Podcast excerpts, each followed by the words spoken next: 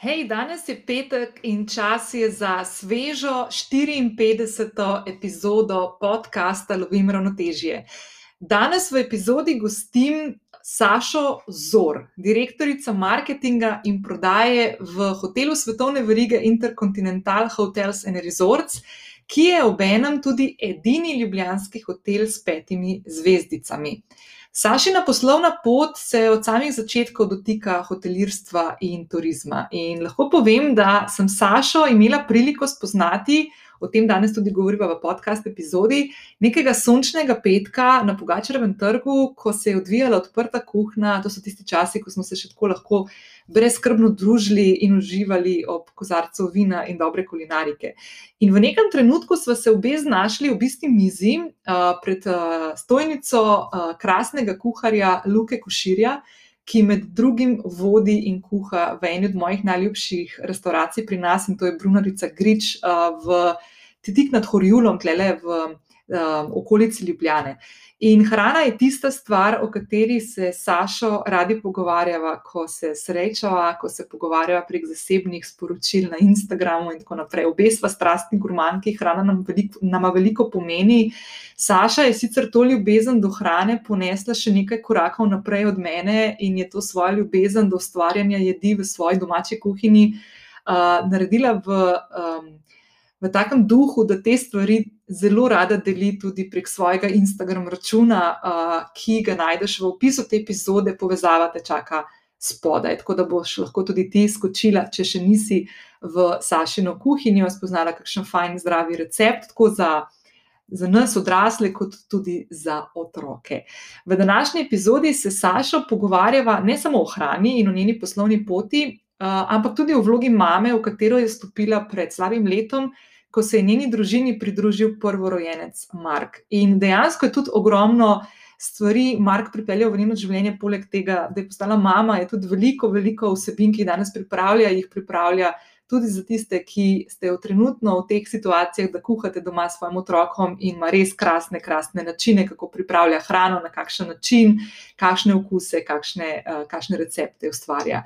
Um, Saša je ena od tistih oseb, ki me vedno znova v vsakem stiku, ko ga imamo, uh, sezuje uh, in navdušuje. Uh, in to predvsem zato, ker je uh, zelo multiplastna osebnost. Vsak od nas ima v sebi en kup enih nijans, ki ponavadi na prvem, v prvem stiku ne pridejo do izraza. Ljudje smo taki, da si znamo. Da vedno radi delamo neke te prve vtise, ki jih potem zadržimo in ostanejo z nami dolg časa naprej. In jaz se spomnim, in tudi o tem danes govoriva Sašo, uh, da ko sem njo prvič srečala, takrat na odprti kuhinji, je bila meni Saša tako, delovala mi je tako malo nedostopna. Uh, vedno je tako do pikice urejena, um, popoln make-up, popolna frizura, popolna obleka, vse je popolno, vedno na njej. Uh, pa absolutno je Saša v mojem svetu in v mojem razmišljanju je popolna ženska, ampak ima en kup drugih stvari, ki so to res, res te znajo presenetiti. In to je tista stvar, ki se mi zdi, in sem Saši neizmerno, dejansko neizmerno hvaležna, ker če bi zdaj pomislila, kateri človek v mojem življenju, ki sem ga spoznala, mi je. Me je potisnil v to smer, da dejansko vedno razmišljam o tem, kako pomembno je, da človeka spremljam, da mu dam dodatne možnosti za predstavljanje, da mogoče še kdaj kakšen slab dan, pa potem to ne pomeni, da je zdaj pa vedno slabe volje. Ampak Saša je ena od tistih ljudi, ki so v bistvu na tem področju meni odprli cel, cel tak čest nov svet dojemanja ljudi kot celote. In sem full vesela, ker bomo danes tudi o teh stvarih govorili. Tako da te vabim, da poslušaš naprej.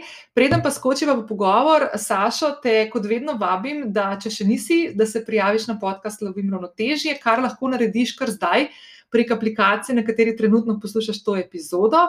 In vedno sem vesela tudi ocen in mnen, ki mi jih pustiš na podcast aplikaciji, ali pa se mi oglasiš v zasebno sporočilo na Instagramu, to imam vedno najrajše, ker tam res preživim največ časa zakaj vedno podcasterji take stvari govorimo in vas opozarjamo, oziroma prosimo, da te stvari naredite, da se uh, subskrbite, prijavite, da podelite svoje mnenje, ocene, ker je to dejansko edini način, kako lahko naše epizode, vsebino, ki jo ustvarjamo, krasne sogovornike, ki jih upletamo v to vsebino, tako kot jaz danes, Sašo. uh, je edini način, kako lahko to razpršimo na, na uh, ljudem, ki mogoče tega podcasta ali pa epizod še niso poslušali.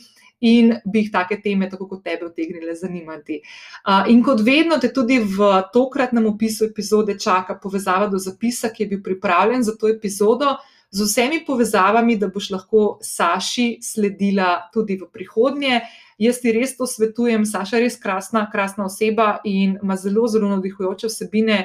Sploh ni istoriji, um, je full fine spremljati, kako poteka življenje ene take multidisciplinarne in multiplastne osebe, ki bo zdaj, ko se počasi vrača z porodniškega nazaj v realnost, uh, kako bo te stvari tudi upravljala potem v svojem življenju, pa tudi o tem danes govorimo v tej podcast epizodi. Tako da, Saša, izvoli, beseda je tvoja.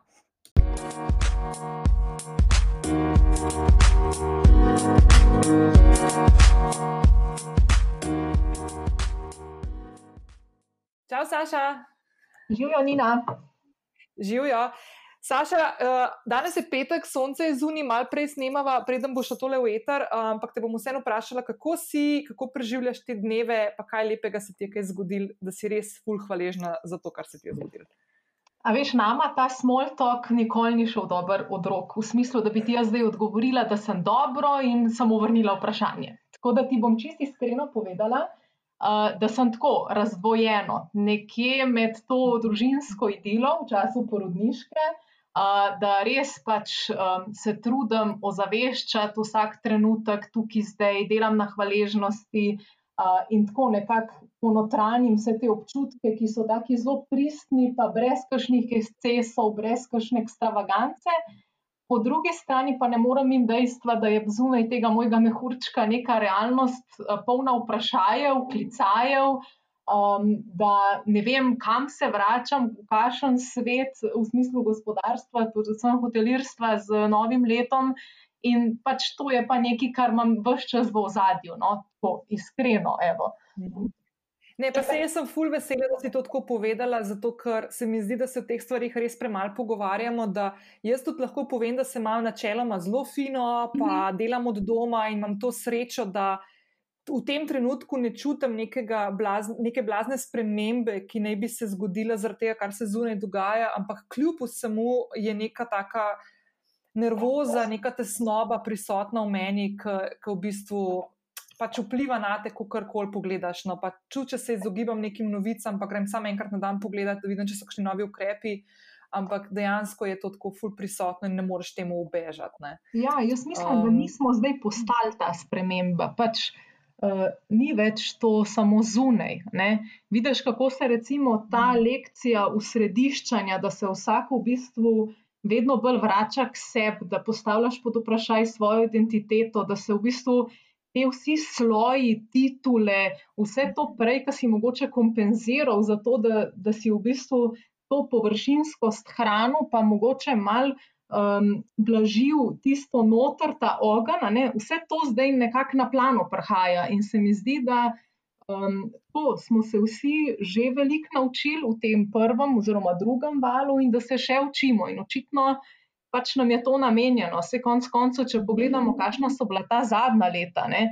ko je bilo vse v razcvetu, ko se je na vsakem vogalu nekaj novega gradil, kam so šle cene nepremičnin, ko je bilo izobilje vsega, novi shopping centri, samo v bistvu to skladiščenje nekega materialnega, se je mogel pridati nekaj tudi tazga, da nas pa malo mogoče po tej drugi plati spodbudi k odkrivanju sebe. No? Tako da um, Jaz v bistvu to vse skupaj res se trudim, ker si omenila hvaležnost. Pač z neko hvaležnostjo sprejemati v smislu, da imam vsak dan še vedno vse posebej, ki jih lahko objamem, um, da smo vsi zdravi, da še bolj delamo na tem, da tako tudi ostane, da nam to več ni samo umevno, da ni več samo um, pač to telo, zato da je to aparat za neko produkcijo, za neke pač za ustvarjanje nekih prihodkov in tako naprej. Ampak res se zavedamo, da to je ta naš tempelj, ki ga moraš pač častiti z vsem, kar imaš, no, tako če sem mal poetična. Mm.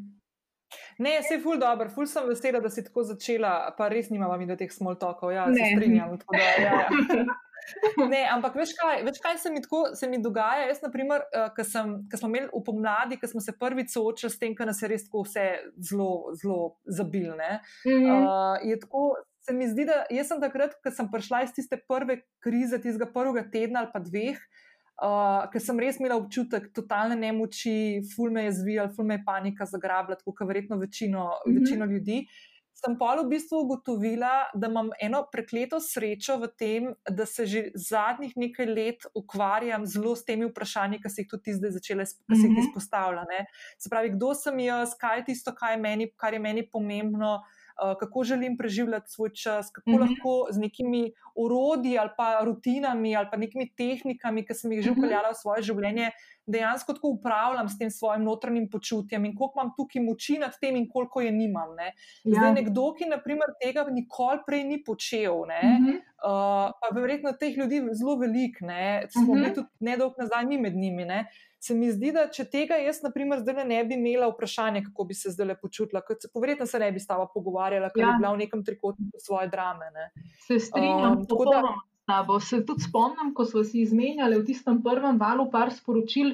In vem, da sem bila tudi jaz, veš, v tistem, pa jaz sem planirala, da bom z Markom dva meseca na morju, jaz sem zdaj porodniško, tako sem se petala v svoji glavi, v smislu, da zdaj pa se je, ne vem, meni pa ta moj grad uh, san sesune. Ampak pol res, ko ti mine ta mogoče enotedenska, dvotedenska kriza, ki mal daš te, uh, v bistvu, pač prideš v bistvu, vidiš, da vse nas bo počakalo. Ampak, ki pravijo ljudje, sam želim si, da bi bilo spet normalno.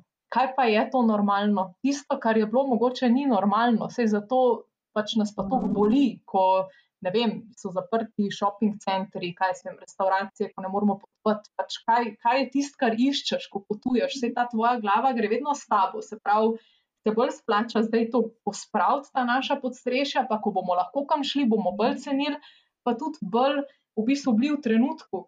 Ne vem, meni se je velikokrat zgodilo, da recimo sem nekam odpotovala, pa sem bila zadnji dan pol vsaj sebe, da je treba domov. Tako se mi zdi, da mi je kar zbežal tisto potovanje, ker sem vsak dan sam planirala, kaj bom naslednji dan, pa kaj bom, ko se vrnem domov, pa kaj bom. Sploh nisem znala v bistvu tam biti, pa se ustaviti, pa uživati. Zdaj pa v tem, da nič tajnega ne doživim, blazno uživam, pa sem tukaj in zdaj. Tako da. Ej, to sem si glih hotel, že čisto na začetku, ko si začela govoriti. Um, sem tako prav pomislila na to, ker se skozi mal vračamo v to, vse tega bo konc, pa bo pa spet nazaj, bomo šli tako, kot je bilo. In, mhm. in pa se jaz vedno nekako soočam s tem, ej, mogoče pa nikoli več ne bo to tako, kot ja. je bilo, pa bo neka nova realnost. Ja. In je treba se na to tudi v mislih tako mečka, ne da bi se zdaj ful ukvarjala s tem, kaj bo, ko bo, uh mhm. -huh. ampak ta, ta, to fleksibilnost, ki nas je letošnje leto v bistvu. Na brutalen način začelo sil, da jo upeljamo vsak na nek svoj način v življenje, bo treba full objet, pa jo, po mojem, tako nekako imeti v, v centru svojega delovanja, ker tiska bo res se oklepal nekih stvari. Ne vem, po mojem, bo to kar malo težko. No. Veš, kaj je bilo meni všeč, ko si ti v podkastu z Nastijo Malinco dala sicer prispodobo, kako si najlepše urisati meditacijo, ne da te prestraši, ampak da jo pač sprejmaš kot en pač tak krogotok misli in si rekla, pač to so kot neki listki, um, ki jih pač opazuješ, kako se po vodi premikajo, jih pač ozavestiš in spustiš, in tako naprej. In mislim, da to fluidnost, ne samo skozi meditacijo, ampak nasplošno skozi prvi trenutek, ko odpreš oči zjutraj, v teh časih, uh, tudi nekako si dobivamo. Ne? ne veš, kaj bo jutri, danes. Pač prepustiš se, greš s tokom in si narediš ta tok čim lepši, s čim manj balasta. No? Ja, se strinjam. Ej, se strinjam. Uh, bom jaz tudi za vse tiste, ki poslušate, bom jaz uh, polinkala na, v zapisu epizode še ta, uh, še ta podcast z, z Nastjo, ki smo klepetali, pa konec konca tudi tvojega, ki si ti govorila o svoji. Uh, o svojih rutinah, oziroma meditaciji, kako se tega lotevaš, in si ful dobro izpostavlja, kako ti to zvečer delaš. Uh -huh. uh, tako da bom še to dala noter, čisto za vse, da, da lahko vidite na enem takem res lepem primeru, kako meditacija, tisto, kar bereš, ni nujno, da je točno tako, kot nekje slišiš, da lahko delaš to tudi zvečer, preden greš spat, pa nekako pleteš noter uh, neko prakso hvaležnosti, ki se tako malo sprehodiš čez dan, kot ti delaš. Naprimer, mm -hmm. ki si rekla, da loviš tiste neke fotografije dneva ja. v, v mislih. Ne? Ja, da, ja, ful dobro. Ok, zdaj, Saša, mogoče tako devajte en korak nazaj, pa se bo še vrnili v to debato, um, definitivno malo kasneje. Ampak, dej tako, um, dej najprej povej mi še, tako, kdo je Saša, pa tako um, malo se, mal se predstavljam, mogoče tistim, ki te ne poznajo, sicer malo dvomam, no, ker imamo kar podobno neko skupnost, ampak dej tako reči, no, da. Da, da bom jaz naredila novo. Da jaz sem tebe spoznala, jaz sem tebe spoznala enkrat, če se spomniš, no, jo, ko smo se družili še, veš, na odprti kuhinji. Na odprti kuhinji. A se spomniš, da ne vem, kaj smo jedli? ja, od, od JB-ja so bile, ne? tam pred JB-jem, meni se zdi. Ja. ja. Uh, in pa smo se ful zaklepetali, in pa se tako občasno videvali, in tako naprej. In, uh, ampak, da je tako, mogoče malo povej, no, kdo si ti, pa kaj, kaj počneš v življenju, pa kako, kako si odraščala, kje si odraščala, kaj si si želela, pa kako se danes to vidi v tvojem življenju, če so kakšne stvari že iz otroštva ostale. Ja, uh, naj res ta uh, hrana definitivno povezuje, ker mislim, da se nismo še dobile, brez da bi kaj uh, dobrega pojedle. Da uh, to nam je bila prva izhodiščna skupna točka. Uh, sicer pa ja, to, ta, kdo je Saša, je kar neki uh, katars in šiftov identitete doživel, no, sigurno največjega deset mesecev nazaj, ko sem postala pač prvič mami. Um, in tako, kot sem že v bistvu na začetku malo omenila, vedno bolj tudi sama razmišljam, kdo sem, ko slečem vse nazive. Ne? Ko se jaz osvobodim teh titul in predalčkov, s katerimi sem se sicer kar dost poistovetila, ker sem jaz tip tak, jaz recimo nisem po duši upornik. Um, jaz sem en tak. Uh, tak tip pridne punčke, ne, vedno bila, ki rada ugaja, ne, normalno tudi staršem uh, v otroštvu. In kam je to zelo pomenilo, da vem, sem odlična v šoli, da imam same petke, da sem uh, pri hobijih uspešna, da imam fajn družbo. Um, tako v bistvu, da do nekega leta nekaj dosežem, da prva diplomiram. Da, ne, jaz sem taka, kam mene to res je mene to zaznamoval, ne drive. Ne vem, meni, recimo, prijatelji rečejo, pa kako ti nimaš nikoli tega utilitija, polnega cun, kako imaš ti vedno, ne vem, kož za perilo. Pač prazen, kako imaš vedno ščiščeno, ne glede na to, kdaj prijemo na obisk. To ni, da jaz delam za druge, jaz taka sem po naravi. Pa bova prišla do tega, kako uh, imam jaz pa s tem lahko tudi probleme. Ampak, um, ja, sicer, če greva nazaj bolj na te predalčke, no, um, z, odkar redno delam, se pravi zadnjih uh, 13 let, um, sem pečena v hotelirstvu, v turizmu. Tako da to je en tak moj virus, ki se ga pač ne morem rešiti. Tud, uh, nisem imela nobene želje potem, ampak me je res zasvojil in to je postal en tak moj življenjski slog, um, da sem tudi z možem ogromno prepotovala in pač občudovala te hotele in dajala prve plače, cele, zato da sem pač prenočila v najbolj luksuznih, eminentnih hotelih, je bil totalen nonsens, pač glede na to, da bi lahko tisti denar v tistem času veliko bolj mogoče racionalno porabila. Ampak meni je ta, um, pač ta del um, hotela v smislu, kako se. Pač ta eleganca, kako se odraža to na detajlih, kar se tiče interjerja, kaj, rečejo italijani, ta bela gente, ki se zbira v teh common areas, um, v tem, kako je vse premišljeno, kako nekdo spremlja tvoj korak, kako te ljudje, ki delajo pač v takih mednarodnih verigah, uh, najviše pač kakovosti, kako so šolani, kako so. Uljudni, kako se znajo pohecati na en tak prefinjen, sofisticiran način, koliko jezikov govorijo, koliko so široki, da se znajo vsem pogovarjati, koliko je fajn hrana, tam, koliko so vizuali, so vsi taki atraktivni, kakršen koli letak, primaš v roke, vse je nekako dodelano, premišljeno, nič ni preveč. Pač jaz sem se na to zelo napajala. Um, govorim z, v pretekliku samo zato, ker sem pač letos, v, se pravi, na porodniški, da če vedno me te zadeve blazno um, tako drivajo. Tako da um, to hotelirstvo je definitivno ena taka moja strast. Um, sicer pa v prostem času ja, zelo rada kuham, preživljam čas v kuhinji, za me hrana ni samo zadovoljevanje neke fizične potrebe in tudi sama je ne dojemam tako, zato kakšne diete absolutno niso moja stvar. Um, jaz verjamem, da hrana združuje, da ima tak magnetični napoj.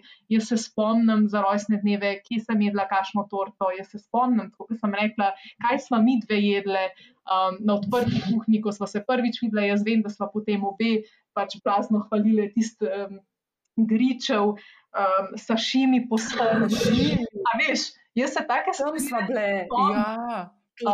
Tako da za me je to pač nekaj več. In meni se zdi, da danes, če pač ženska ne zna kuhati, ne vem, jaz nisem ena tistih modernih, ki se mi zdi to spremljivo. Jaz mislim, da to mora dišati po domači hrani, pa to ne pomeni, da moraš ure in ure noter preživeti v kuhinji. Tako da to mi je vsekakor ena taka vrednota. No? Um, sicer pa, ja, rada bi v bistvu, da bi se mimo teh predalčkov, ki so povezani s poslom ali pa svojimi hobiji, vedno bolj v bistvu razmišljam o tem, kako bi si želela, da bi me družina, pa ti najožji prijatelji, bolj označili, da imam vem, srce večje od ambicij. A veš, da imam neko voljo do življenja, da žarčam neko pozitivo, ki jo tudi na njih mogoče prelagam, da sledim nekemu svojemu poslanstvu, pa ob tem ne pozabim na druge tudi če to še nisem, ne, kar verjetno v takih opisih ne še, upam, da to postanem. No, to si želim nekako mimo teh v bistvu zadev, ki grejo na sivi. Um, upam, da sem ti mal opisno odgovorila. Ne, ne, si, si, si mi, da se o tem stvari že pogovarjali, ja. v bistvu, kako, kako ti, na primer, sam sebe vidiš, pa kere stvari pri sebi znaš izpostaviti, pa mimo grede to predalčkanje, dajemo se skozi vsi, ne? tudi, ko se mm -hmm. predstavimo. Jaz sem to ja. bolj počela. Ko sem nekoga predstavljala, je bilo vedno, Saša dela tam, eh, Tako, uh, ona ja. dela tukaj. Ne? Ja. Veš, da je v bistvu služba tisto, kar te v bistvu opredeljuje, ja. kdo ti si. Ja. Uh, in se ful provodim zadržati, in tega se res tako prav odvajam. Zdaj že nekaj časa se provodim zadržati in, in prav delati neke te. Eh, spremembe, veš, to je pa Saša, ona je pa krasna, meni je full fine, ker jo spremljam, pa mi da to, pa to, pa to. Veš, da, da te jaz v bistvu predstavljam, kako te jaz vidim, pa kaj ti meni, kako ti meni polepšaš s svojimi, ne vem, zdaj ja. lahko nekimi vsebinami, ki jih greš, pa glede na to, kako te poznam, pa čutam. Ali imaš ti občutek, da je ta diskrepanca med tem, kako ti sebe vidiš, pa dojemaš, pa tem, kako naprimer, te nekdo odzuni. Pa zdaj, ok, mogoče tiskate malo slabš pozna, ali pa tudi mogoče kakšen prijatelj, ki se je zdaj to omenila. A se ti zdi, da, to, da je ta včasih bila mogoče večja, zdaj manjša, kako, kako na to gledaš? Ali opaziš to? Te... Mislim, da uh, malo je tudi povezano v dojemanju sebe, mislim, da tukaj gre ta energija se čuti. In mislim, da sem se, ker sem se sama do, pač pred leti bolj identificirala s to titulo, meni je pomenilo, da sem direktorica, pač meni se to zdelo fajn.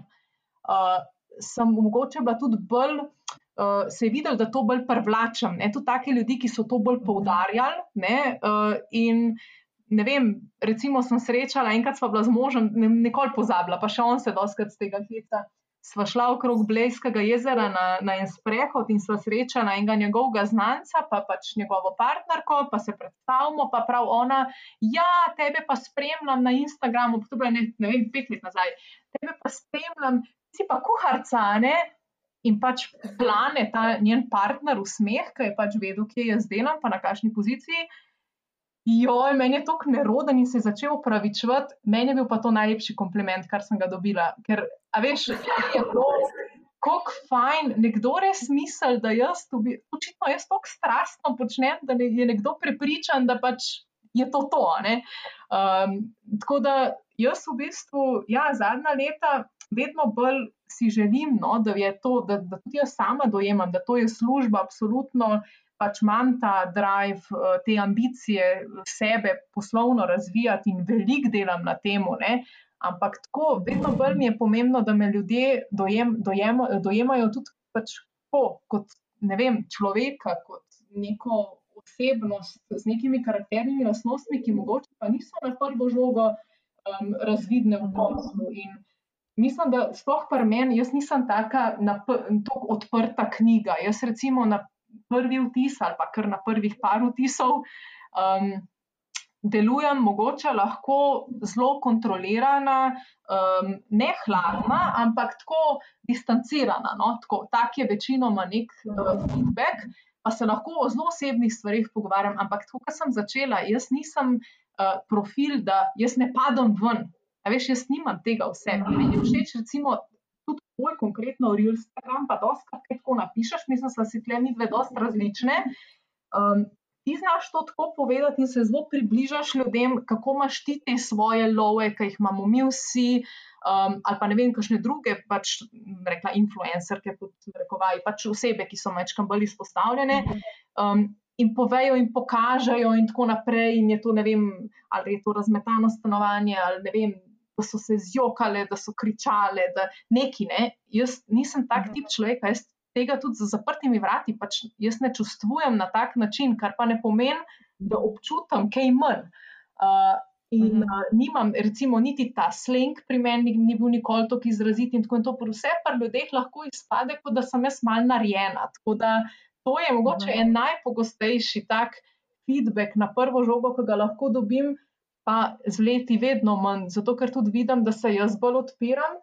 Um, meni se včasih zdela to zelo šibkost, veš, da bi v službi karkoli kazala, kakšne svoje negativne plati, pa sem se blazno motila. Tako da, bolj kot tudi jaz pokažem, da sem človek, bolj se meni moj tim odpira in bolj delamo v neki simbiozi in se poslušamo, razumemo, si krijemo hrbet in v bistvu s tem delujemo tudi boljš, kar se tiče performansa. No. To mi je bila ena taka meni dobra šola. Ej, jaz se spomnim, ko smo se mi dve takrat dobili na, eh, na odprti kuhinji, oziroma slučajno srečali na odprti kuhinji. Jaz sem mislim, takrat še delala za, za, za ta projekt. Uh -huh. uh, in ja, smo jedli, jedli smo točno sašimi od Griča, ampak na mizi od JB-ja. Ja, in, uh, ja, ja, ja, ali pa, ali pa dobro, ali pa je bila miza od Griča, se ne vem, nima veze. In jaz se spomnim, ker v bistvu je bilo tako, da ti meni fulnici delovala tako, kot si zdaj opisala, da lahko včasih deluješ ali narejeno, ali tako čist pod kontrolo. Malo je bilo mešano, v bistvu nisem čist dobro vedela, kako te dati, ker si mi ful topla delovala. Tako ful so se tako zaklepetali, ful so bili tako kul. Cool. Ja, ja, ja.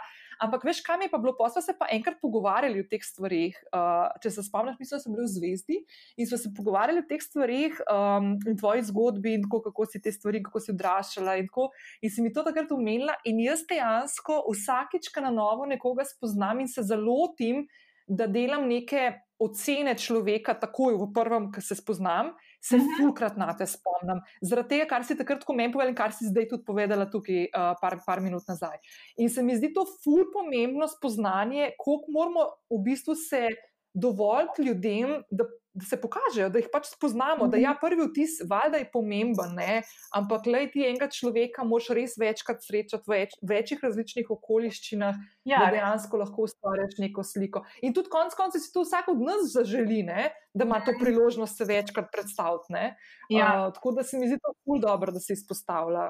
Pa res je, veš, odvisno, uh, normalno pač nek paket, uh, tudi knjigo, ja, sodeš po platnici. Pač tako je. In zdaj, če se jaz pojavim v poslovni obleki, um, pač vsa polikana nekje na nekem dogodku, poslovnem, networkingu, normalno, da tam ni prostora za ene globine in tako naprej, in tudi se ne pričakuje to od mene. In če me nekdo videva samo na takih pač uh, momentih, sigurno si ustvari drugačno sliko kot nekdo, ki me vidi ja, na odprti kuhinji, v prostem času, um, v čist nekem drugem sproščenem okolju, s svojimi privatnimi pač prijatelji, družbo, z možem in tako naprej. Um, Itak, Ampak to ne pomeni, da je kjerkoli kakršna koli fasada. To so vse deli naše identitete, deli naših vlog. Normalno jaz z Markom govorim drugače, verjetno eno oktavo višji, kot zdaj le s tabo. Um, pač mhm. to se mi zdi, sploh ne bi to označila, da so kašni, vem, da so to kašne maske, kašni minusi. Pač prilagajaš se, se toksi plasten, da se lahko v vsako okolje nekako zliješ. Ampak to je treba pri vseh ljudeh vzeti v zakup. Da, ja, tudi mogoče tisti, ki na prvo žogo deluje bolj, uh, bom rekla, ljudski, naprimer, ne, ali pa ne vem. Pa, mhm. splošno, mogoče všečen, in tako naprej. Bog ve, kaj se v zadju pač dogaja in čez kaj je šla ta oseba. In tako naprej. To predalčkanje, to se mi zdi tak največji tak. Bom rekla, eno breme, ki ga imamo in se ga ne moramo rešiti, ker te pač konec koncev ta konstrukt naše vzgoje sil k temu. Ne. Zdaj si pa to, da si to, ne, pa boš srečen, ko boš to. To pogojevanje se mi zdi, da to, če se uspe komu tega rešiti v 20-ih, je res naredil um, tako eno vrhunsko življenjsko delo za sebe, ker jaz se ga takrat še nisem mogla rešiti. jaz sem se ga vstopil v, moče bi rekel, v peto desetletje. Ja. Veš, ja, in mi je ful fascinantno, ker vidim te mlade, ki tako imajo že vse, ne vse, ampak pač stvari, ki sem jih jaz pred, pred ja. kratkim, ampak pred leti začela odkrivati, mi je tako ful, bravo, bravo. Ampak ja. to, veš, vsak od, nas, vsak od nas igra neke vloge, a veš, ker naprimer se valjda doma starši pogovarjaš drugače, kot se s prijateljem ali pa z enim mhm. prijateljem se drugače, kot s drugim. To je čisto normalno, pač vsak od nas igra neke stvari, neke, neke življenjske vloge v različnih odnosih in je to pač nekaj čisto normalnega in smo vsi pač taki, kot si rekla, multiplastni in je super, ker te stvari uh, objameš in jih vzameš za svoje. Ne? Tako da, ja, ben, tako, kar izvoli. Kar bo vej. Ja, tako se mi zdi, da recimo tudi v poslu, naprimer, kjer jaz iskreno, se pravi, zaradi tega mojega karakterja, jaz nekih takih iskrenih prijateljstev v poslu ne bi mogla mogoče stkati. Kar pa ne pomeni, da sem dobila ogromno enih zelo dobrih kolegov, ampak s katerimi imam pač mogoče neke izbrane tematike. To ni nekdo, se, mhm. zakaj pa bi mogla z vsakim razlivati celo svojo življenjsko zgodbo. Jaz recimo tega ne čutim, če pa to nekdo drug čuti, pa super. Pač, lih to je meni fajn, da, da te obkrožajo različni ljudje, da v bistvu pri vsakmu najdeš en navdih. Jaz si ker ne vem, kdo, naprimer, žaluje javno prek uh, socialnih uh, medijev. Naprimer, Jaz si mislim, pa super, zato da ta človek nekomu, ki koleba, a bi ali ne bi, pokaže, da je tudi to ok in da če te to pomaga pač na, na poti do tvojega cilja, božjega počutja, odlično. Pač, če nekomu pomaga, da vidi mene, ki imam počiščenju utiliti, pa ga to spodbudi, ker to on pogreša, pa si želi odlično. Če nekdo vidi, ne vem, razmetano stanovanje, pa reče: Nina, da spari, lej, jaz bom imela pa kar tako, me to ne mot.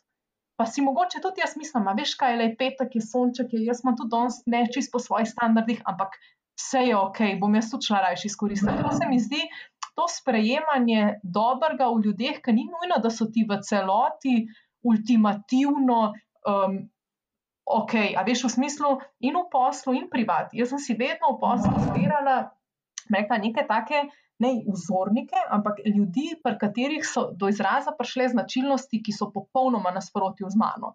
Pač Neke take, bom rekla, ne vem, ali so to bile neke strateške poteze, ali nekoga, ki je bil dober diplomat, ki je znal z besedami, tako da ni nobenega prizadev, da je prišel do cilja, da je ljudi spodbudil. Nekaj sem našla, ampak pa vsakem nekaj, ki me je obdajal in sem se s temi ljudmi poskušala pač povezati. Um, se jim približati, to, da so me spustili zraven, da sem jaz te formule lahko od njih črpala. In potem sem si jaz en svoj model naredila. In tudi pri mojih najbližjih prijateljih, mi nismo tako, da bi ti videla, ne vem, eh, štiri blondinke z Harvarda, pa rekla, ja, da so ti najboljše prijateljice. Jaz nimam takih prijateljic. Moje prijateljice so vse, imajo ogromno svojih globin, plasti. Um, Niso iz turizma, so zelo v bistvu drugačne, tako na prvi pogled, od mene, po tej plati, kaj jih zanima. Ne vem, jaz sem za njih veliko bolj alternativna, ampak mi se o tem pogovarjamo, lahko ni me zanimivo, da imam jaz to svojo plat. Meni je zanimivo, da ne vem, o nekaj drugega počnejo, kaj se plezajo, jaz tega nikoli nisem razumela. Recimo. Um, ali pa ne, pač.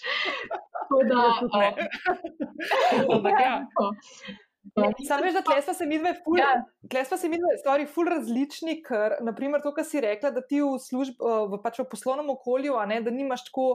Um, da, da nimaš teh uh, vstopov v neko, mislim, da nimaš teh debat v, v osebnem življenju, oziroma pač na drugačen način, uh -huh. pa mhm. da ne razlagaš vsakmu več te stvari. Naprimer, jaz ne, sem se mogla pa glih kontra tega fulno učiti, zato ker sem pa v bistvu uh, zelo te ne bom rekla, pri, pri, da so postali prijatelji, ampak te prijateljske vezi sem hitro stkala, naprimer, konkretno, ali še, ko sem bila zaposlena z ljudmi, s katerimi sem delala, ali pa kasneje s svojimi naročniki. In načeloma je bilo v redu, vse, vse je štimal, pa to, dokler se ni zgodil, kakšen prvi tak. Uh, Po domač, kašna zagonetka, ne, ki je bilo treba rešiti, in je bilo potem se v bistvu takrat prišlo v spredje, kako včasih je fino, da imaš stvari mečkan ločene, ne, da postaviš neke meje kjerkoli te meje pač so, za vsakega so drugačne. In, in je ful, ful zanimivo, veš, kako sem se jaz v bistvu kontra, kontra mogla malo tega učiti, pa, pa tega. Um, A veš, kaj je fora? Enkrat sem poslušala na oprah, jaz sem imela ta, to stvar, da sem z vsakim vedno govorila, se mogoče tudi to pri meni videla, da sem hitro delila fulejnih svojih stvari, pa življenjskih uh, zgodb in izkušenj in bla bla bla. Ne?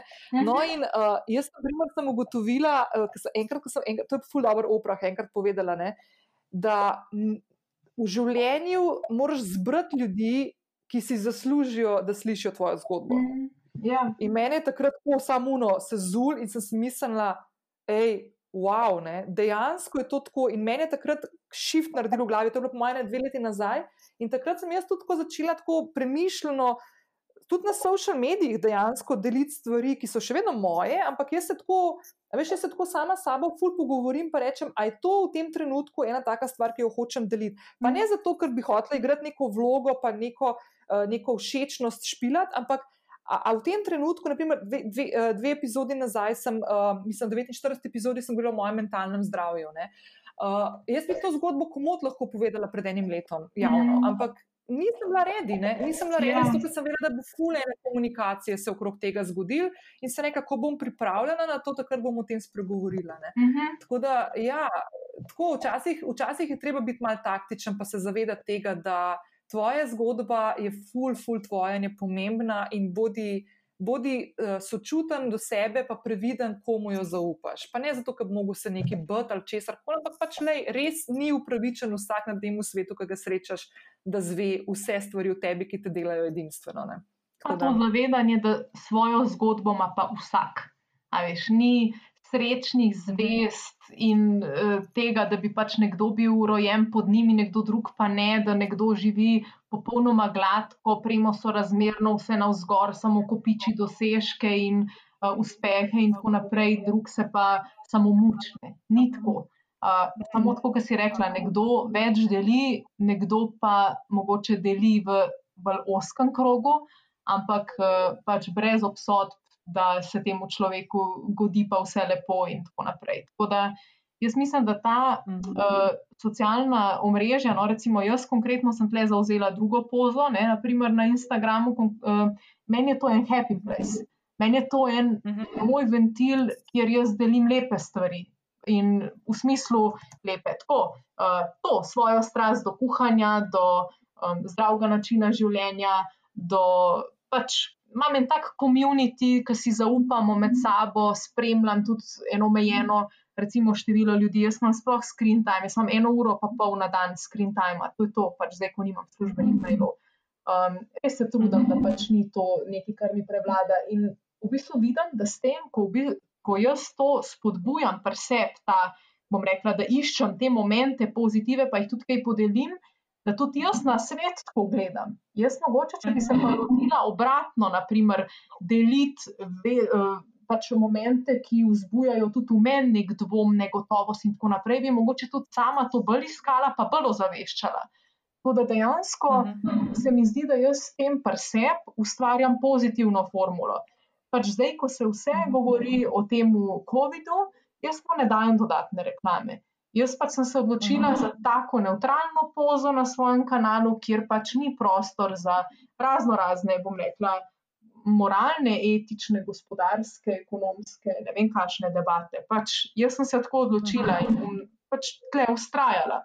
In se mi zdi, da imamo lahko zelo lepe debate tudi na druge, druga življenjska področja ali pa na to, da en drugega ozaveščamo, kako bolj je pomemben to, ta naš temelj, tempelj in tako naprej, in da lahko tudi iz tega jaz nekaj lepega ljudem dam. Pa ni treba s tem, da jim vzbujam kakšne slabe občutke, da ne vem, živim jaz popolno življenje, kdo drug pa ne. ne. Uh, ker v bistvu jaz imam tudi take malce starejše sledilke, no? uh, tako da se mi zdi, da so mimo tega, da bi mislili, da uh, je pač prmen vse, kot sem rekla, pač samo na vzgor in kopičenje lepega, pri njih pa eno samo trpljenje. Se mi zdi, da je pač, ko si ti mimo ene take starosti, ko se zelo obremenjuješ, kaj imajo ostali, kaj imaš ti, se mi zdi, da ti je kar jasno, da je tako, uh -huh. malo gor, malo dol, ne, uh, Maurica vseh doživeti. Ne, to si ful dobro povedala. V bistvu, jaz imam zelo podobno uh, notranjo strategijo, ki sem jo obrala, da mhm. -huh. na, konkretno na Instagramu v bistvu delim. Včasih še take teme, ki mogoče niso tako lahke, ja. naprimer več mentalno zdravje, uh mhm. -huh. ampak jih vedno poskušam iz, iz vidika tega, uh, moja izkušnja, kaj sem ugotovila, kaj sem, kaj, kaj sem, kakšne pot sem obrala, da, pogled, da pomoč iz tega iz te smeri, veš, kaj lahko Daš nekomu pomaga, če se slučajno. Ja. Ja, ja. Mislim, ki ni nujno, da je rešitev, ki bo za vsega mm. uh, primerna, ne, je pač treba vedno tudi. Vedno tudi probam tako, veš, um, povedati, da smo kritični do vsebin, ki jih dobimo. Tudi, konc koncev, tudi moji mhm. sledilci do mojih vsebin. Vedno bodi kritičen, vedno spremljaj tisto, kar ti se, vzami tisto, kar ti ja. sede in tisto, kar ti ne da stran. Ni treba kritizirati, pač ti ne sedi, ni to tvoja, tvoj špil, v redu je. Ne? Je pa tako, da ti pa povem. Ja. Ja, nekaj povej, kar povem. Tako kot sem rekel, tudi v resničnem življenju, vse ni treba, da ti ena oseba pa v popolnosti uh, ustreza in to je lahko v poslovnem ali pa v privatnem svetu. Vse poberaš od uh mhm. -huh. tiste inserte, apliciraš na, na se tisto, kar rabiš. Pač vse uh, časi uh mhm. -huh. tistih neločljivih. Uh, prijateljc, ki smo bile, ne vem, v prvih razredih osnovne šole, non-stop skupaj, pa še enako oblečene po možnosti, pa vse to je fikcija, to potem ne obstaja. Ni lepo glih to, da imaš take družbe, da lahko si ti ti, ampak da si tako raznolik in da cenaš pri njih tudi to, da se ne strinjajo, pa ti znajo to povedati, pa se pač en tak konstruktivni dialog iz tega izrodi. In isto je na Instagramu. Jaz mogoče sem imela, jaz vam ne vem, nimam ne delam neki strateško na svojih sledilcih, pa delam v marketingu precej let, tako da pač vem, kakšne so taktike, če bi si to želela. Um, sigurno več izpostavljanja sebe, pa manj krožnike, ne, to je ena od prvih, ampak um, pač čist iskreno. Um, ampak konkretno, jaz recimo sem imela, ne vem, mogoče na prste ene roke lahko preštejem kakšne take negativne v smislu, da niso znali lepo mi nekaj povedati, spoštljivo povedati v tem smislu. Um, ampak da so mi kakšno piknila, veš, s kakšnim takim komentarjem, ki je bil totalno neumesen. Uh, in noben ni ukvarjal dneva s tem, uh, ampak po, so se mi zasmilili v enem trenutku. Smiselna, če ti res misliš, da se ne poznava, da boš v moje vesolje vstopil s tem komentarjem in meni dal črno piko danes pač ne boš, mi je žal za tebe, zato ker sebe toliko malo ceniš. Da irajš to energijo v neki lepega, ne vem, naredi tri dihalne vaje, ki bo zate veliko bolj koristen, kot da pač eni neznanki nekaj komentiraš brez veze. Veš, kaj sem te hotel vprašati? Um, a imaš ti tako na Instagramu veliko takih, da bi te, naprimer, sploh po kakšnih zasebnih sporočilih, da bi te kaj tako negativnosti pošiljali, pa to nimaš, verjetno? Ne, ne se pravi, jaz sem imela mogoče na ja. prste ja. ene roke v vseh letih kakšne take mm -hmm. komentarje. Zato se jih tudi spomnim, ker so bili pač taki ja. vzeti iz konteksta komentar res na kakšne čevlje, veš, tako v takem smislu, pa na kakšno ceno nečesa, kar sem imela v, mm -hmm. na sebi. Recimo, tako nekaj brezveznega, tako da res nimam tega. Uh, presenetljivo veliko imam pa nekih ganljivih izpovedi, ki me pa veliko bolj zaznamuje. Tako, ko pa dobim v mhm. privatno sporočilo, kakšno zgodbo nekoga, pač ženske, če si iskreno, imam 99,9%. Um, in me pač, recimo, prosi za kakšen nasvet, in je to lahko tako osebna pripoved, pa nekdo, ki me ne pozna, pa da ceni moje mnenje na osnovi pač moje prezence na Instagramu ali pa na tem, kar pač pravi Google. Me je pa, mi je pa tako fascinantno in nikoli ne ostanem ravnodušna in čisto vsem odgovorim, ne odgovarjam res včasih na kakšne take komentarje, kot sem rekla, res glede oblek ali pa česa tako, veš, tazga, kar vidijo na sliki, to, to me nekako mene ne navdihuje, da bi se pač o tem pogovarjala. Ampak, ko gre pa za tako stvar, me pa, mi pa da misliti in doskrat se potem tako vidim, da zdaj, da se ujamem v to zanko te zgodbe in da mi ne gre iz glave in da gruntam, kaj sem še kaj pozabila povedati in pošljem kakšen voice ali kaj tako, uh, mi ni vse. No? Tako da. Um, To je veš, to, to, to kar si prej tudi rekla, ne, da, nimaš, um, da nimaš te neke strategije, pa da pač si se odločila, kako boš naredila ta svoj kanal. Veš, jaz sem zelo podobno stvar, ne, da v bistvu zelo premišljeno, mislim, ne da strateško neki razmišljam, kaj bom danes objavljal, ampak pri, približno nekaj tematske sklope probam odpirati, ampak zaradi vsebin, ki jih delim in prostora, ki ga v bistvu ustvarjam uh, z vsebinami, ki se jih odločam, pa da bo res take pozitivne, pa mogoče motivacija, pa še navdih, pa to. Imam jaz tudi tega ful mal, jaz tudi po mojem lahko na eno roko preštejem v zadnjem parih letih, koliko je bilo teh nekih neumnosti. Uh, drugač pa, ja, to so pa pol te stvari, ki te, te pišejo ljudje, res, res take osebne stvari včasih in je ful težko. Jaz ful pazim pri tem, da nikoli ne spadam tako, da bi bila pokroviteljska. Tudi takrat, mm -hmm. ko vem, kako bi, oh, kaj bi jaz naredila, kaj bi jaz na njenem ja. mestu yeah. naredila. Probam vedno izhajati iz tega, da lej, ne iti v smer, da boš ti tista, ki boš nekomu govorila, kaj ne naredi, ker mm. je pač mhm. to totalno neprimerno. Ne. Ja, to si zelo um, dobro povedala. Ja. Kljub temu, da imamo, veš, v to vse, jaz imam ta.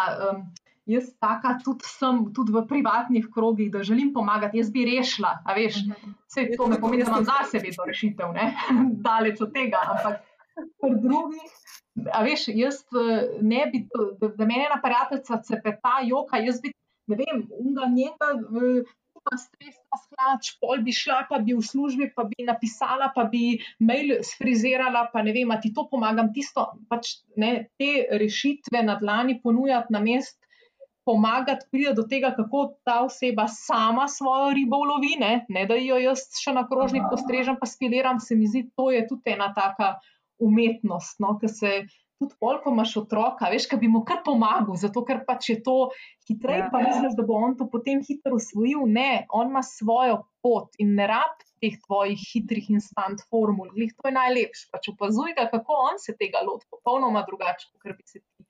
Pač to je. Ej, uh, Ja, kar upravljam.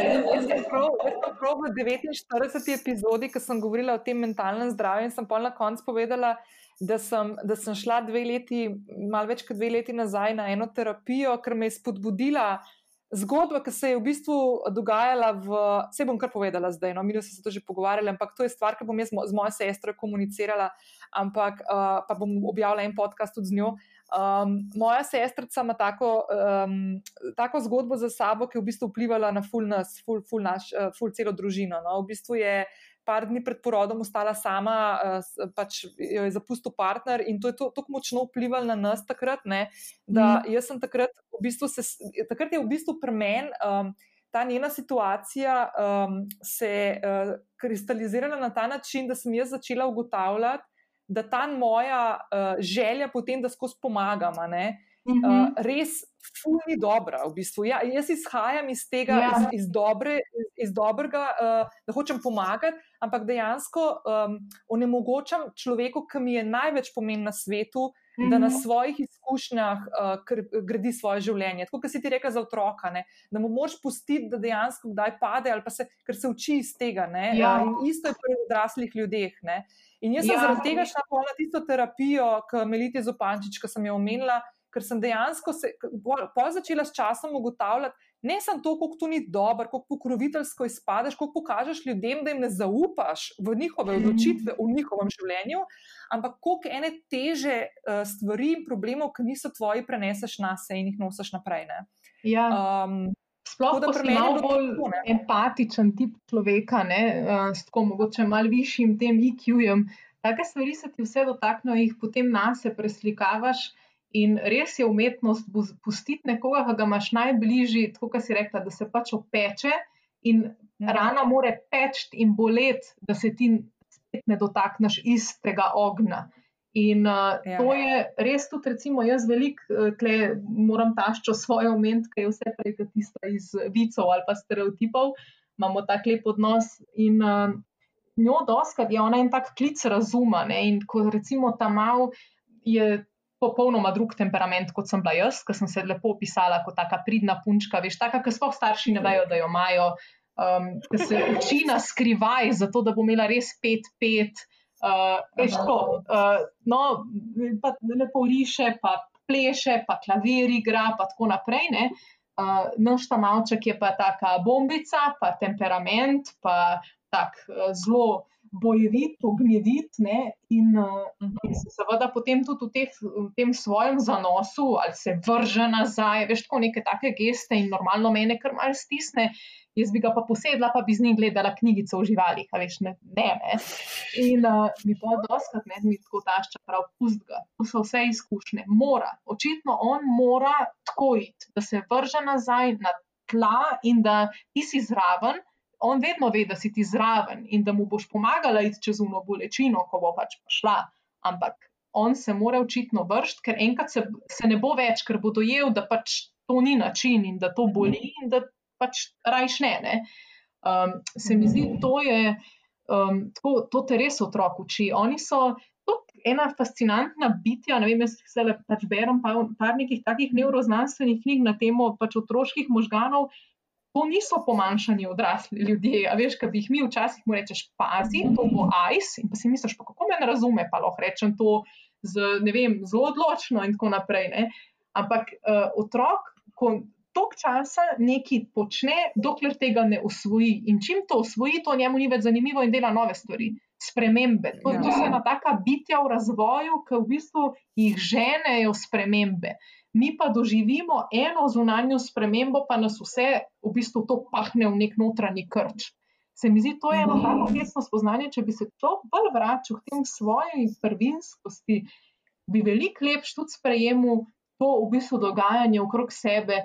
Ne, recimo, nas pa že to, da ne vem, poletje se zaključuje, pa pride jesen, nas pa že to nekako bremeni, pa tako naprej. Ne. To so vse spremembe, ja. ki so jih tako fino, tako lahkotno, pa z eno tako širino sprejemati. No, in jaz Marka veliko opazujem, tako kako on in se skušam uživeti v ta njegov svet, kjer je najlepše ravno to, da bi nekaj na novo in vsak dan usvoji nekaj novega in isto stvar gleda 20krat, ampak nekaj novega najde v njej. Noče vsakič nove knjigice, eno in isto hoče, ker poleg tiste slike, tokrat vidi tudi platnico, vidi bogavček, da je malo odčrhnjen, um, vidi ne vem, kazalo. In se v bistvu s to eno stvarjo do potankosti zamot. Jaz bi pa skozi neki novega. Ne? Uh, in sem zdaj rekla, zdaj nam je znam šla nove knjige, brati bom šla, une, ki sem jih že prebrala, brati drugič, tretjič. Da vidim, kaj, kako jih bom v bistvu začela kanalizirati ker bom sigurno opazila čez druge stvari, ker ne bom brala samo skozi zgodbo, jaz zelo hitro berem. Meni mož vedno pravi, pa to ti nič ne prebereš, to hitro, kaj to hitro listaš strani. Um, ker mene pritegne zgodba in sem premalo mogoče na jezik zaradi tega pozorna, ali pa na neka subtilna sporočila lahko. Jaz potem knjigo odložim, pol pa v njej razmišljam, jaz proti nimam časa, ker hočem to požirati. Ne? In to meni, recimo, Mark res uči, kako on en pokrovček ali eno tako vsakdanjo stvar obrača, preučuje in mu je non-stop zanimiv. Dokler se on ne odloči v neki svoji pozi, da je to usvojil in gre na neko novo zadevo. Ne. Tako da, ja, tako. Ne, to je ful, ful zanimivo. E, to jaz tu pa samo nečakam, opazujem pri kakšnih stvareh. Ker, naprimer, a veš, ker nimam, te, eh, ker nimam svojega otroka, nimam te izkušnje, da bi gledala in pa vidim pri njemu in koliko enih stvari. A veš tisto, kar naprimer, nimaš svojega otroka, pa nimaš teh raznih um, momentov, ki bi si rekel, da sem pa taka, kot moji starši, pa rekla sem si, da ne bom. Ne. No, mm -hmm. v bistvu se tudi te tam to zgodi. Ja. Veš, tako, naprimer, e, se spomnim enkrat, pa točno vem, ker zdaj smo tudi, tudi glede na to, da tudi če nimamo otrok, vem, da ni prav, da rečeš fantku, pa je tako velik fant, da si ne boš joku. Mm -hmm. Ampak, hej. Pa vse to vem, a veš pa mu kdaj to, pa sem mu to zdaj par mesecev nazaj enkrat rekla, me Maja, tako fugo to pogledala. Pa ja. že preden sem do konca stavk povedala, se reka, pa odkje ti to vlečeš, iz kire pete, iz kire ja. podzavesti, iz kire podzavesti, a veš. In je tudi on ima isto, sicer on se ni tako, da bi se tok časa zamotil z eno stvarjo, on kar preklapla med različnimi, ampak je pa tudi ta, ne. Ja, ja večji je, ja. pa je pa res tudi to, no, da je ful tak, po eni strani ful pa to ima malo tako, noče, naprimer, da bi padel, po drugi strani se pa zažene nekam, pa laufe, pa že kar vidiš, da bo odletel nekam po teh, ampak kar gre, kar gre. In, in sem full vesela, šok sem jaz na sebe ponosna, ker imam. Jaz sem odraščala z očetom, ki mi je skozi govoril: pazi, pazi, pazi, pazi, ja. pazi, je bil strah ja. vsega v življenju. In zdaj, ko to vidim, ne, polet, ko sem s fotrom mojim, se pravi, detkom od Bresta, videla in doživela to, kako njemu isto govori, Jaz pa spustim te stvari, pa mislim, da če opadu ga bomo pa pobrali, pa ga bomo objeli, pa po joku, pa bomo sladoled kupili, pa whatever neki, ne, veš, vse bo Ja. kul, cool, ne, noč na utazga, da bo zdaj pa ne vem, kva se zgodil. In sem tako happy, da sem spustila to stvar, ne, ker je v bistvu Ja. ja. tudi povezana malo s tem, da hočeš kontrolirati vse stvari okrog sebe, pa pač ne gre. Ne. Veš kaj, sigurno Um, tudi, da, tudi vloga tete, ne, sej jaz sem tudi teta in to je, mislim, to je sploh eno tako lepo poslanstvo, ker v bistvu ti je prihranjen un, um, tisti del, ki je treba vzgajati, ki je treba postavljati pravila in tako naprej, lahko se pa učiš, lahko si dovoliš biti z njim samo otrok, lahko razvajaš, lahko opazuješ, zelo blizu te spusti. Um, ne vem, se, naj, recimo največji, najbolj vplivni psihologi, psihiatri vedno svetujejo, pusti otroku, otrokovo življenje nekoga, ki ni starš, enega odraslega, ki ni starš, naj mu bo blizu, ker ta oseba bo imela lahko na njega veliko večji vpliv, kot starši potem v odraščanju, ker se ji bo lažje zaupal, ker bo vedel, da ga ne bo obsojala.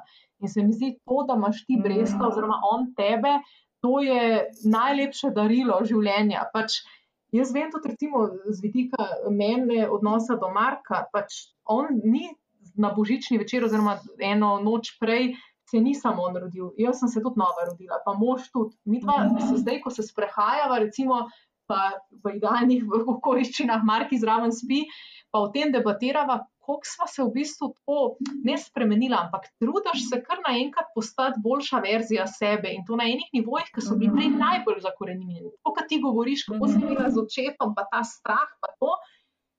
Tudi ne, jaz pri svojih vzorcih vidim, za njega sem pripravljena iti čez to.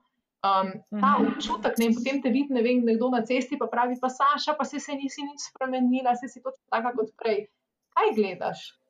Zunanjo zgledaš, ali kaj gledaš? Jaz sem se zelo spremenila, ker se občuti vse drugače. Ker naenkrat čutim, da ima moje življenje večje vred, večjo vrednost. Pač bolj je pomembno, da sem jaz varna, da sem jaz zdrava, ker nisem sam za sebe več odgovorna. Ne? Um, hkrat, pa ne tudi z nekim strahom, da hodim po svetu, um, daleč od tega, ampak ravno obratno. Pač. Jih to vidim, da je pomembno, da tiste svoje stare spone, ki sem jaz na njih ustrajala, da to končno porežem, grem naprej in ni treba, da to prenašam na še eno generacijo. Pač ni treba. Uh, Ja, da ja. mi je to recimo zelo zanimivo in to, kako to tudi otrok združuje. Um, enako tudi recimo z mojimi nečaki, uh, kako te to nekako, kako te veže, koliko imaš enih pogovorov, takih simpatičnih uh, s svojimi sorodniki na ta račun. Ne vem, meni mami vsakič, ko vidi Marka, reče: Pa kaj smo mi prej delali, ker nismo njega imeli, ker se mu zdaj tako nasmejeva skupaj, pa tako uh, iščeva recimo. Mojo pokojno babico v njemu, pa tako malo, veš, eh, obujavamo eh, spomine. in Tako, tak, takih tem prej nismo imeli. Ne? Prej je bilo, so bile druge vsakdanje teme, ampak zdaj se mi zdi, kar tako smo odkrili še eno tako plat. Ne? Mislim, da ne govorim z možem, mi dva sva dolg let čakala na ta čudež, pa tako aktivno čakala, da se lahko izrazim. In to pol tok cenaš in si hvaležen, in tudi naju. Ker Mark je tak nespalček, da um, bi to tudi lahko o tem govorila in kaj sem vse to dizertirala, ker veš, da nisem kar pustila stati. Ampak res si prišel na ta svet, da naj uči ustavce. Pač ne moreš planirati popolnoma aktivnega dne, če spiš štiri razbite ure. Ne gre. In ko to delaš deset mesecev, pač ne gre. In jaz verjamem, da si pač otrok tebe zbere, ne obratno. In on je prišel tak na svet, zato da mene to nauči, kar jaz rabim. Ne tak na svet, kot je bila mala Saška, jaz to že imam. Pač, da sem Ja, ja. taka in Ta, taka ta, druga- ta druga stran, ta druga Ja. stran ti prenese. Ja. Ja. Sej, mimo grede, ne, da če mogoče, če se boš počutila uh, brest, tudi uh, kaj doma pri Maji, ful slab spi, spi kot kjerkoli drugje, ki spi. a ne. Ja, Uh, in, uh, ja, veš kaj, po mojem je to tudi malo pri njemu. Um, pač on je malo tako razseljen, če ker gre malo pač pa gledo očeta, pa pol malo pri babici, bil čez poletje, pa tako ne. Uh, pa nima nobenega problema menjati okolje, kar je hvala Bogu. No? Mhm. Ampak, naprimer, ko pa pride domov k Maji, ne, pa pol, naprimer, vsi rečejo, ja, ful je spal, pa popoldan, pa noč se ni zbudil, pa to, pri Maji pa pač vse na glavo. Ne. Ampak jaz sem občutek, da je to včasih tudi tako, veš, ko pride domov in je to neko tako varno, varno področje, pa mama je tam in v bistvu Ja. lahko določene stvari re, iz, izžareva, ki jih pač druge ni. Ne. Ja. Uh, tako da, Pa ja, je pa tudi že v vrtu se vidi, Ja. veš, tudi v vrtu je ful bolj tako zna biti v skupini.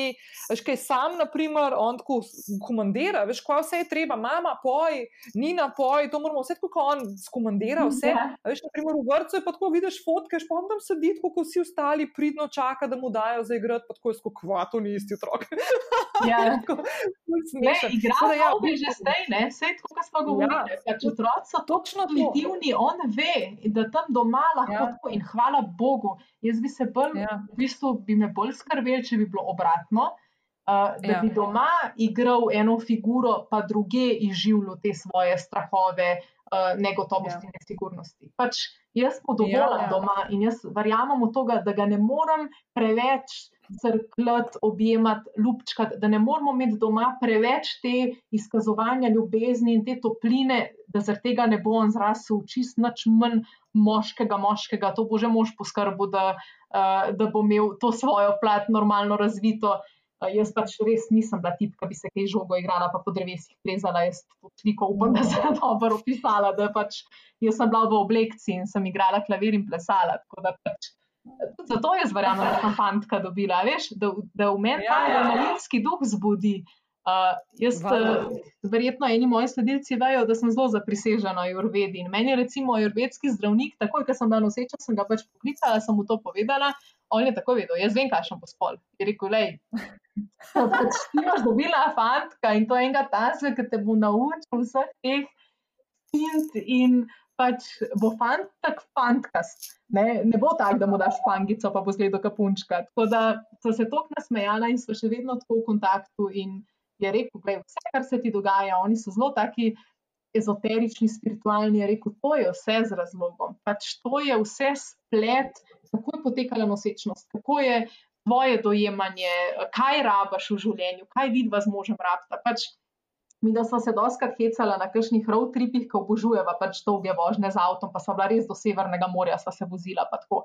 Um, in, in to na isti dan, ko sva šla pač maraton teč. Sicer eh, ne celega, ne normalno, ampak v tem smislu pač to so bili taki nori časi, da je bilo treba v 24 uri več. Znači. In sva se potem vozila in vozila in sva si doskrat rekla, lej, Tok smo v harmoniji, tok smo usklajena, a ne bi bilo fajn, da bi nama zdaj od zadaj v avtu en z enimi takimi uh, od blata umazanimi škoranci, mal to naj v hrbet brcu, a veš, to, da nama mal razbije v tem smislu to najno nepopolno popolnost. Uh, pač nekaj, ne? in to zdaj, recimo, res, ki vidva Markija, kako on, koliko je to poln življenja, veselja, koliko on prekriči in prevriska pač enih glasov, ki sem jih, po mojem, jaz v prvih treh letih zakumulirala življenja skupaj, on to že vse dal ven iz sebe. To, um, res, jaz to pač mogoče zdaj kdo z, z očmi zavija, ampak jaz to uh, dojemam zelo kot eno, res, kot sem prej rekla, to je darilo življenja in sem tisočkrat se vsak dan zahvalim, pa se mi lahko čisto nič ekstravagantnega ne zgodi, pa je nekomu to tako, pač imaš otroka, pa kaj. Zame to je bila dolga pot uh, in ovinkasta, vmes se je ogromno lepega zgodil in pač vse z razlogom, vse sprejemam, ampak glih to mi je pa dal, da v bistvu znam zdaj toliko bolj cent, da nisem zjamrana in da lahko še vedno žarim, tudi če sem fizično tako zmatrana, da bi se šla najraš malo lešt, ampak v bistvu me tako mesil to, kot sem rekla, k boljši verziji sebe. No.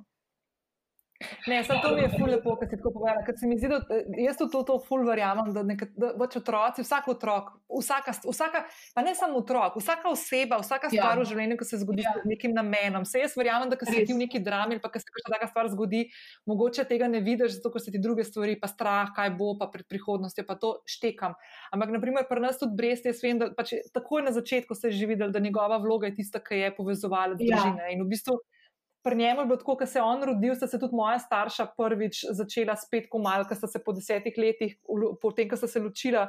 Danes, naprimer, odnosi, ki jih imamo, pa ne, da so bili zdaj skregani, pač ni jih bilo vmes. Uh, danes se, naprimer, tudi, uh, veš, se razumejo med sabo in mm. -hmm. žena od mojega očeta, moja mama so lahko v istem prostoru in tako. In, in tako, jaz sem tako hvaležna temu, da se je to zgodilo, da ti sploh ne znam. Sploh nisem mislila, da me to tako mori, ker- dokler do, tega ni prišlo, pa pol Ja. vidiš, o, šit, kako je to lepo. Ne? A veš, tako da ja, uh, ful, ful, ful, nore stvari in ja, ful, ful, zanimiv. Pa, by the way, lahko ti še to povem, ker si prej rekel, da opazujete, kaj naprimer ima od babice. Um, Marki, ne, pri sebi. Jaz, na primer, vidim Bresta, pa vidim njegove mezince na roki, pa ima tako malo noter ukrivljene pred drugim členom, kot jih je imel moj pokojni dedi vlado. Pa mi je to fakt, ne morem verjeti. A veš, ja. mezince ima iste, kot dedek moj, veš. Ja. Tako noro, no, smešen. Tako da, ja. Meni je tako, veš, pa eni pravijo. Oprosti, sam še tole dodam. Se vem, da smo tole imeli maratonski podcast. Ja, taj, sam, ja. Se mi zdi tako, veš, pa pravi eni, ja pa kaj, kar vsem je podobno, veš, vsak neki drugega vidi. Ne, pa lej, to ima podpismo, to ima potem. Meni se zdi pa to nekaj najlepšega. A ni lepo otrok, je kar naenkrat postal utelešenje, vsak v otroku lepe stvari vidi, ne, otrok je pač pluška. Mm -hmm. uh, in se mi zdi tako lepo, da če vidiš, ne vem, za vsako rečem, ja, mogoče pa res. A veš, vsak od staršev, od tet in tako naprej, vsak nekaj najde, pa mogoče ali ga to nase spominja, ali pač, kot smo rekli, na kakšnega pokojnega bližnjega. In jaz lahko sem samo pritrdim, zato ker sigurno pač genetika je ena fascinantna stvar in sigurno je to plot uh, pač teh namešanih genov in tako naprej, ampak ni lepo, da vsak neki lep ga v njemu vidi in se spomne potem lepih trenutkov. Takrat, potem se noben ne bo rekel, o, poglej, ne vem, uh, tako kot si rekla, ima pa brez mezinček, tako kot uh, dedek vlado, uh, pa by the way, a ne kako smo se za tisto dediščino dajali. Ne bo šlo to v isti ja, kontekst. A veš, ne, ne, tako ne, se mi zdi, ker naenkrat tiste neke take, bom rekla, zadeve zgubijo svoj pomen, pa je bolj pomemben, da ima tak mezinček, kot on, pa ne bi ne bilo fajn, da bi mu zdaj on pa povedal tisto zgodbo, pa škoda, pa si mogoče ga z nekaj gleda. Tako se mi zdi, da vse dobi en tak fulip predzvok. No. Ja, ja, ne, fule, fule, dobro, res, fule, hudo. Ej, uh, veš, kaj sem te hotla, itak sem te hotla še vprašati, uh, kaj te navdihuje življenje, ampak po mojem, jaz mislim, da si to že to tako povedala lepo, da itak, se, po mojem, je za vsake poslušalke, po poslušalcu jasno. Razen, če bi kaj še dodala?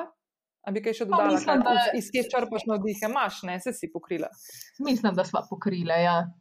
Okay. Veš, kaj me zdaj zanima? Ti zdaj počasi zaključuješ porodniško uh mhm. -huh. um, in se boš vrnila nazaj v službo. Um, pa mogoče v luči tega, kar so se pogovarjali danes, ne, kako v bistvu je treba nekako, kako smo se v, v letošnjem letu, če smo se česa učili, je pa to, da pač plujemo z nekim tokom. Ne. Uh -huh. um, kako gledaš na to, boš, kdaj se vračaš v službo z, januar, z januarjem? Z januarjem, ja.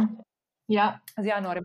A se tako kaj pripravljaš na to, ali, ali v bistvu jemliš čistko? Pač, mislim, glede na to, da se ne samo, da se vračaš po porodniški, ne, ampak da se dejansko vračaš v neko realnost, ki bo drugačna od tiste, ki si jo zapustila, sploh, sploh v delu, ki ga ti upravljaš, ki je pač turizem. Ne.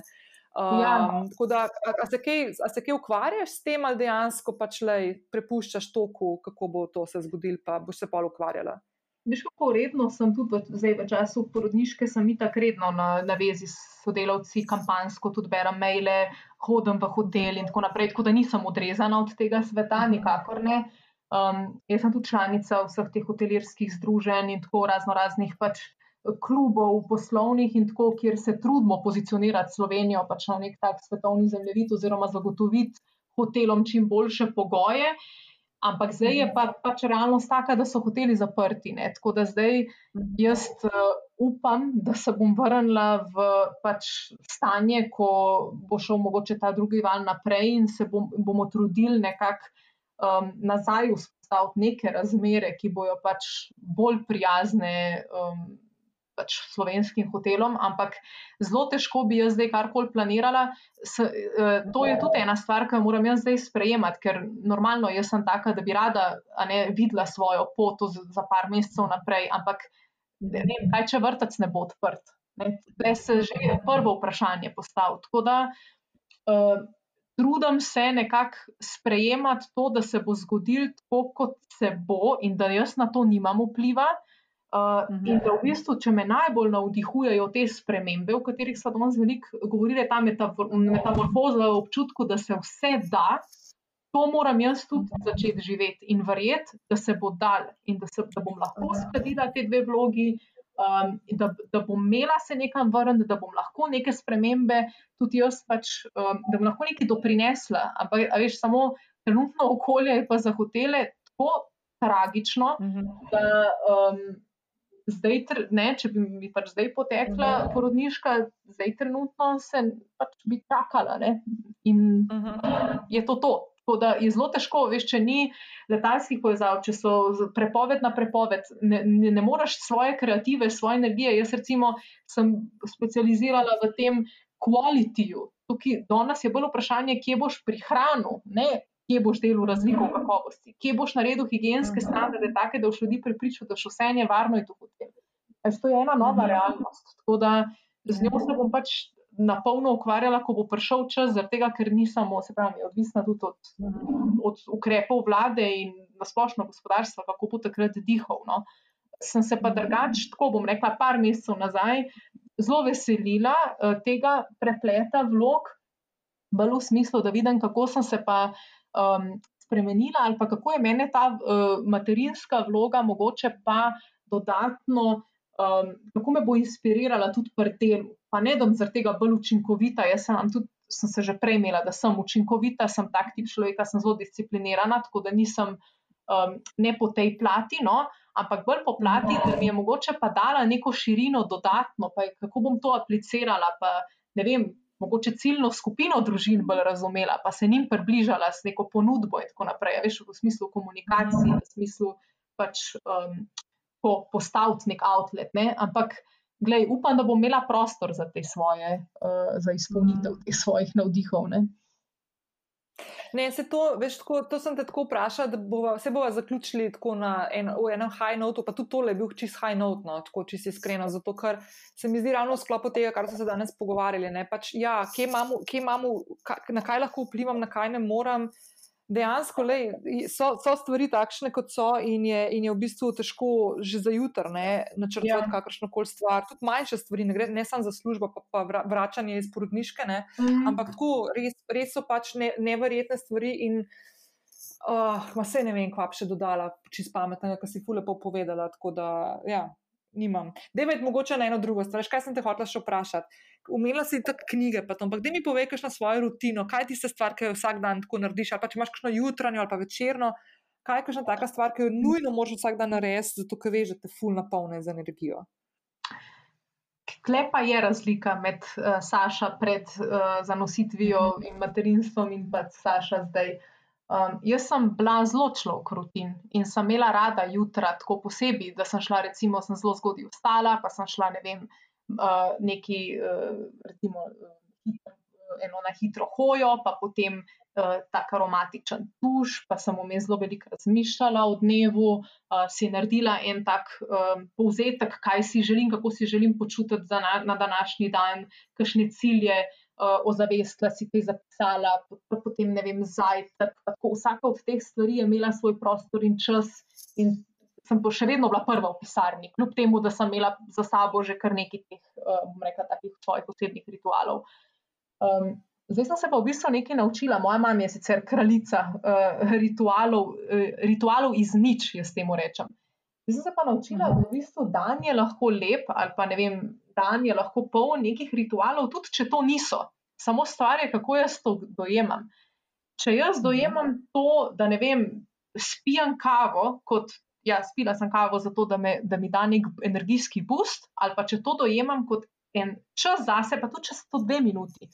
To sem, naredila sem si kavo, pijem kavo, všeč mi je, ozaveščam mu okus, uh, povoham jo, v lepi šalčki si jo naredim, tisti za obiske z zlatim robom, ne da je to tam nekje v vitrini, to je za me, samo za me. Uh -huh. uh, veš, tudi če je to ena taka stvar, ni treba, da ima svoj čas, da je neko zaporedje, sosledje dogodkov, to lahko kadarkoli, samo jaz se moram tako počutiti, da se ustavim v tistem momentu.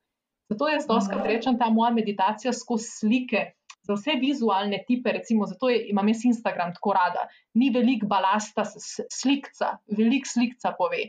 In jaz si recimo na tak način v glavi sklapam te slike in zvečer. Vse te, bom rekla, če je ta kavica bila zdaj metafora tudi za druge take vsakdanje dogodke, mm, vse to zvečer jaz nekako zložim v en tak dnevni album in rečem hvala za to. In uh, recimo, taka vsakdanjost ne vem, jaz obožujem naše popoldneve večere, ko vem, z možem vsi trije ležimo na tleh, pa ne vem, deklamiramo Anjo Štefan, lonček na pike, pa tako, pa se potem Marki mal reži, pa veš, vse skupaj nič, ne zraven pa ne vem, diši po nekih pečenih jabolkih, cimetu in tako naprej se pripravlja večerja. Jaz to gledam, to sliko in se poskušam od odzuni videti in si jo slikam in si rečem, ta gre tudi v album.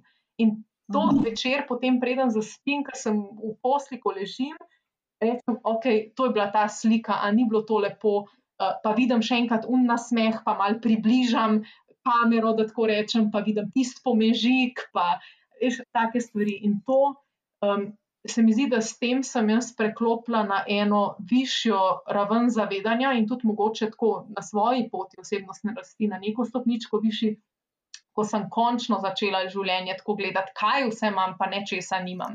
Ampak da mhm. pač sem si našla en model, kako v bistvu to videti, ozavestiti, kanalizirati in se napajati s to energijo, ne glede na to, kaj se okrog mene dogaja, pač skozi te albume listam.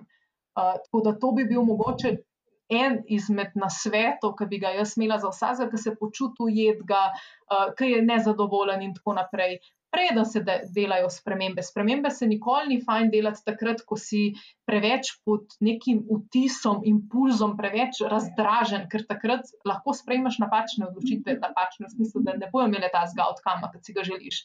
Takrat se je fajn samo ustaviti, samo slikaj vse. Take minimalne stvari ni, ni samo umevno, da si zdrav, ni samo umevno, da imaš koga vse ni samo umevno, da se mi dve zdaj le pogovarjava na toplem, da nam je lepo, da sva site, da imamo streho nad glavo, da imamo ena drugo, da se lahko o takih temah pogovarjava, da lahko nekomu nekaj dava, da imamo krok prijateljev, da imaš ti zdaj le plan, ne vem koga poklicati. To ni nič samo umevno. Pač in ko to začneš iz takih vsakdanjih stvari delati svojo ekstravaganco, se mi zdi, takrat se začnejo dogajati.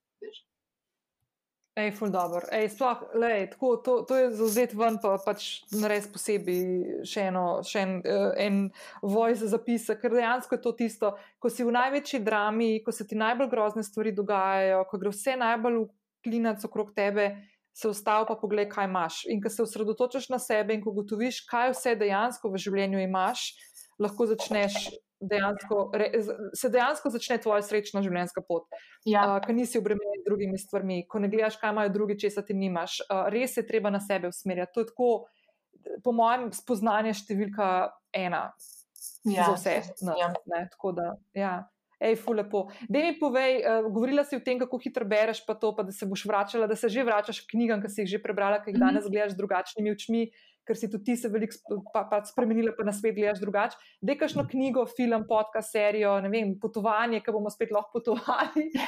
Pre, kaj je taka stvar, naprimer, kad tako rečeš, evo, to so pa ful dobre stvari, ki sem jih prebrala, gledala, poslušala, doživela. Uh. Veš, kera knjiga je bila meni, recimo, The, um, uh, tale, The Road Less Traveled. Tam je bila Aha. eno tako odkritje, Scott Peck je psihiater, ki je to knjigo napisal in še linijo drugih, so take svetovne uspešnice, ampak prebrala sem jih kar par njegovih, pa bi to izpostavila. Um, mhm. Začne pa z enim takim udarnim, life is difficult. Veš, jaz, ko sem to prebrala, sem to prvi stavek, ali pa ne vem, eno od prvih. Sem vam tako, hm, ta knjiga mogoče ne bo za mene. Ne? Um, to bo šlo zdaj v neko tako melodramatično izpoved, polno melanholije in kako je to vse težko, in kaj bom jaz iz tega, kako bom jaz navdih črpala. Je pa v bistvu, da ne bom preveč izdala, če bo slučajno koga zamikal to prebrati. Um, knjiga je namenjena dejansko uh, tej uh, la, odkrivanju lastne poti do duhovne rasti in preobrazbe, in on v bistvu začne s tem, da se zavedaš, da pot bo dolga in težka, ampak da se bo splačala. In on skozi neke klinične primere, ki jih je pač vodil kot uh, psihiater, uh, razkriva kompleksnost odnosov do partnerja, do sebe, um, uh, pokaže ločnico med odvisnostjo in odnosom, med navado in vem, partnerstvom, med zvestobo in nezvestobo na en tak način, da jaz sem to knjigo požrla in jo berem zdaj v bistvu drugič. Uh, in bi je meni, recimo, veliko dala. No? Ne vem, če je prevedeno v slovenščino, nisem šla potem pogledat, no, jo pač berem v tem izvirniku in mi je všeč. Tudi tako po jeziku se bere lepo tekoče, ni tako, da je preveč. Včasih so te, jaz imam rada take psihološke take knjige, sem zna biti včasih tako težko, da, um, da je težko v bistvu. Ja, je strokovno, je strokovno, tako, ne, pa, ja, ja, ja. tako. Ta je pa narejena tako poljudno in je namenjena temu, da te navdahne za spremembe in um, da res delaš v bistvu na tem, da iščeš to svojo formulo sreče in začneš mal, uh, bom rekla, delati te svoje osebne bilance, um, čistke, filtre in tako naprej in se mogoče najdeš v vsakem od teh primerov, s katerimi jih pač on obdeluje znotraj knjige, v nekem insertu. Ne? In mogoče iščeš s tem svojo formulo in apliciraš na svoje življenje. Meni, recimo, je to ena taka knjiga, ki bi jo priporočila. No? Da, to, pa, to, pa, pa, da tako knjiga zaključka kupiti. Super. Jo imajo tudi še kakšen no, če si. Aha, ne, jaz imam, jaz imam knjige, veš, jaz imam tudi rada knjige, tako da jih listam. Ja. Sploh nimam Kindla, pa teh, ne vem, nekako me ne potegne to. Mogoče kdaj, ampak zdaj sem še v fazi, ki imam fura da tako knjige, da jih primem v roko. Ja, razumem. Ja. Jaz sem zanimiv. Ja. Aha, no. A imaš kakšen film, serijo, podcast, kakšno tako stvar, še tako, kot tudi mogoče si vzameš kakšen moment? Ja, veš, da v desetih mesecih, odkar imamo Markija, mogoče sva z možem pogledala dva filma, absolutno okay. nobene serije, par Francov sem pogledala. Uh, namreč, uh, jaz, tako, tako kot sem rekla, jaz ta screen time imam blazno omejen. In um, tako, jaz veliko rajš. Ja, kuham, pospravljam, uh, čistim, igram se, klavir igram, poplesavam, se družim, ko sem se lahko. Um, in tako naprej. Nisem jaz tip, ki bi držala toliko pozornosti na, recimo, konkretno, no, sploh na kakšnih. Film, ja, občasno kot del nekega dogodka, ampak ti sploh ne znam nobenega naslova zdaj le povedati. Mož bi se smejal, ker on se zgraža, on je tako strasten film, film pa se zgraža, da jaz ne znam našteti toliko igralcev, da jih sploh ne poznam ali ne vem, jaz to se sprotim ali pozabam. To, da tukaj žal ne bo od mene priporočilno, Za podcaste sem pa, po mojem, to sem pa čisti odvisnik. No?